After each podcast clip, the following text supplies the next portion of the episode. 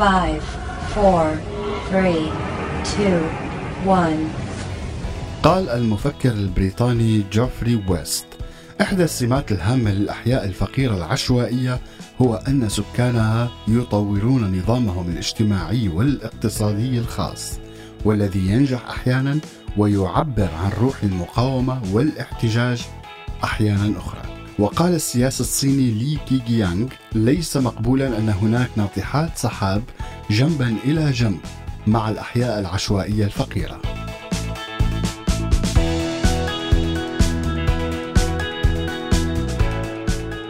تخيل لو ونتيجة سوء الأحوال الجوية اللي عم تشهدها المنطقة والعاصمة دمشق. تحصل كارثة بمناطق الجبل العشوائية مثل أحياء ركن الدين وجادات المهاجرين.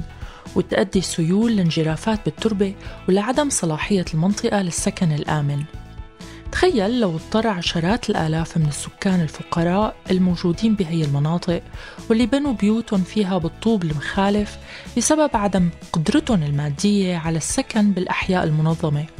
تخيل لو اضطروا للنزوح بسبب كارثة طبيعية فاقا من أثرها الإهمال ورداءة البنى التحتية. شو ممكن يكون مصير الناس وشو ممكن يكون الحل اللي رح تتبعه الحكومة السورية؟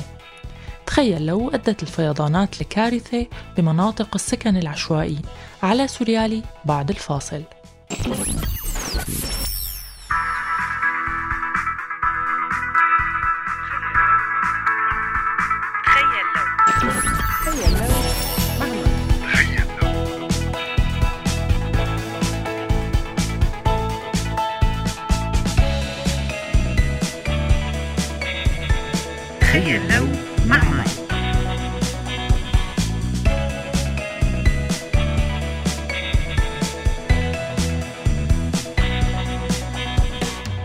تخيل لو مع مايا على هوا سوريالي.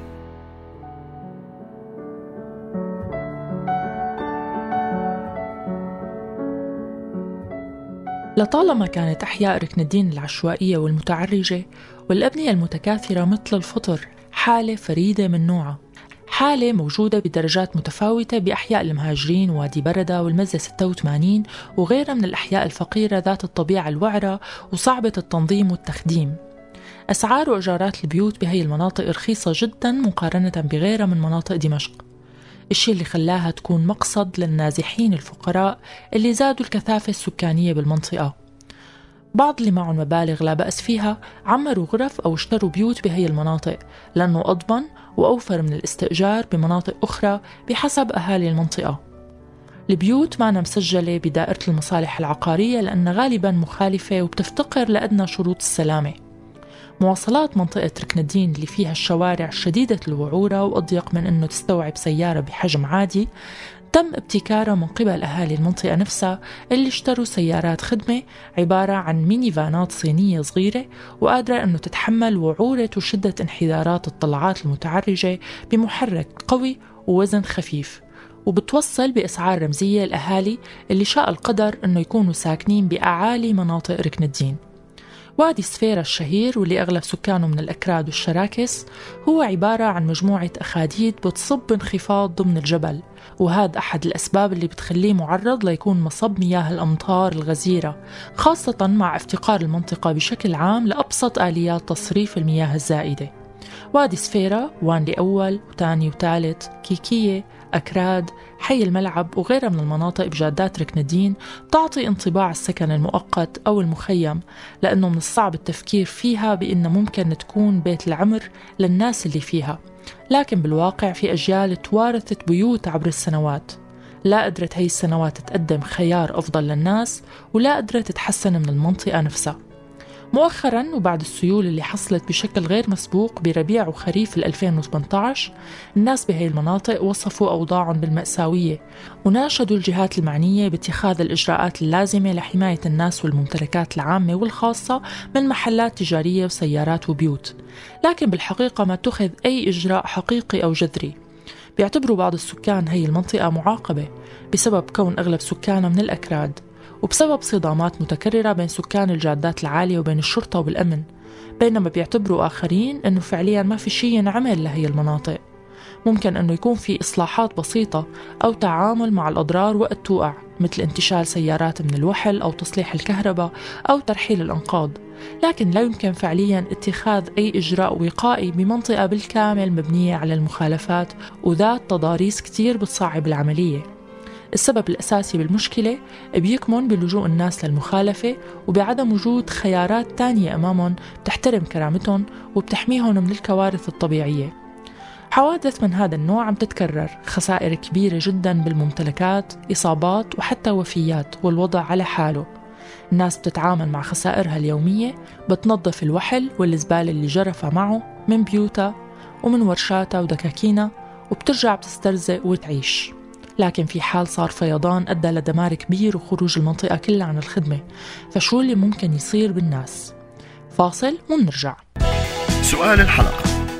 شو السيناريوهات اللي ممكن تواجه الناس في حال تعرضت أحياء الجبل العشوائية بدمشق لكارثة فيضان؟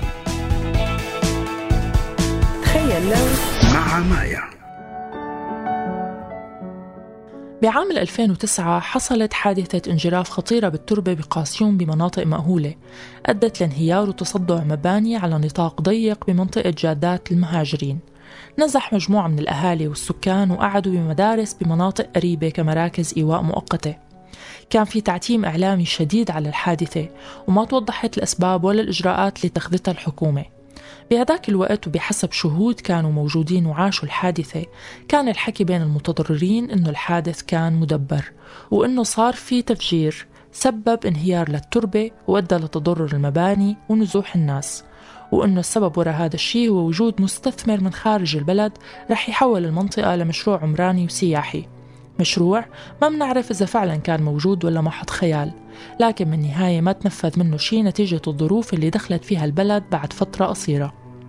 أغلب المناطق العشوائية والمخالفة بالبلد وبكل المحافظات مسحت تقريبا من الوجود بسبب الحرب لكن أغلب المناطق الموجودة بقلب العاصمة مع بعض الاستثناءات البسيطة تم احتواء الاحتجاجات فيها بطريقة مختلفة بدون تعريضها لدمار كبير مع استحالة استيعاب دمشق لحركة نزوح داخلي. من الصعب تصليح منطقة عشوائية بالنسبة للمستثمرين. مشاريع إعادة الإعمار بتعتبر أنه من الأسهل البدء من الصفر مع بنية تحتية جديدة ومخططات جديدة.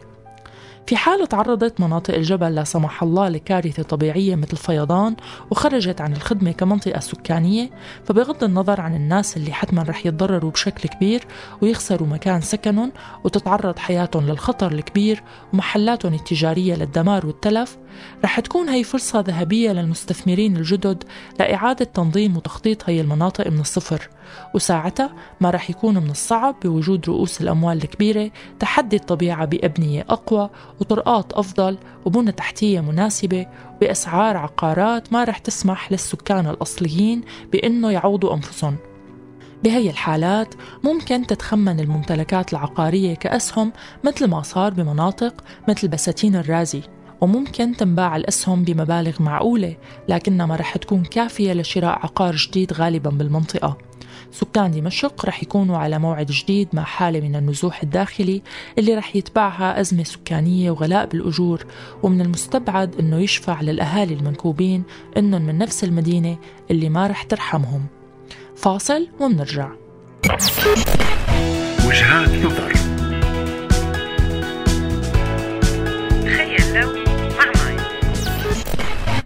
سألناكم عن رأيكم في حال تعرضت مناطق السكن العشوائي بركن الدين لكارثة طبيعية مثل فيضان أو سيول وأدت لدمار كبير فيها.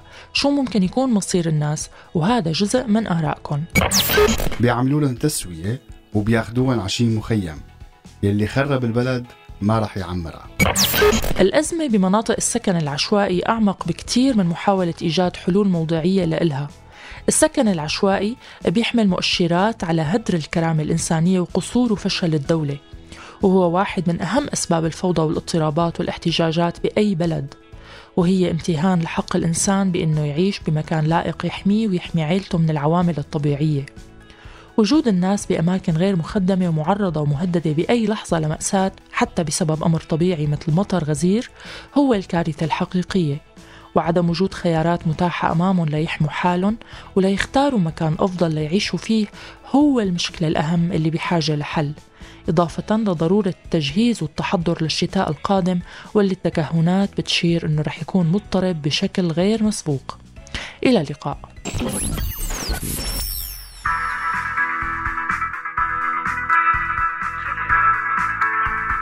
تخيل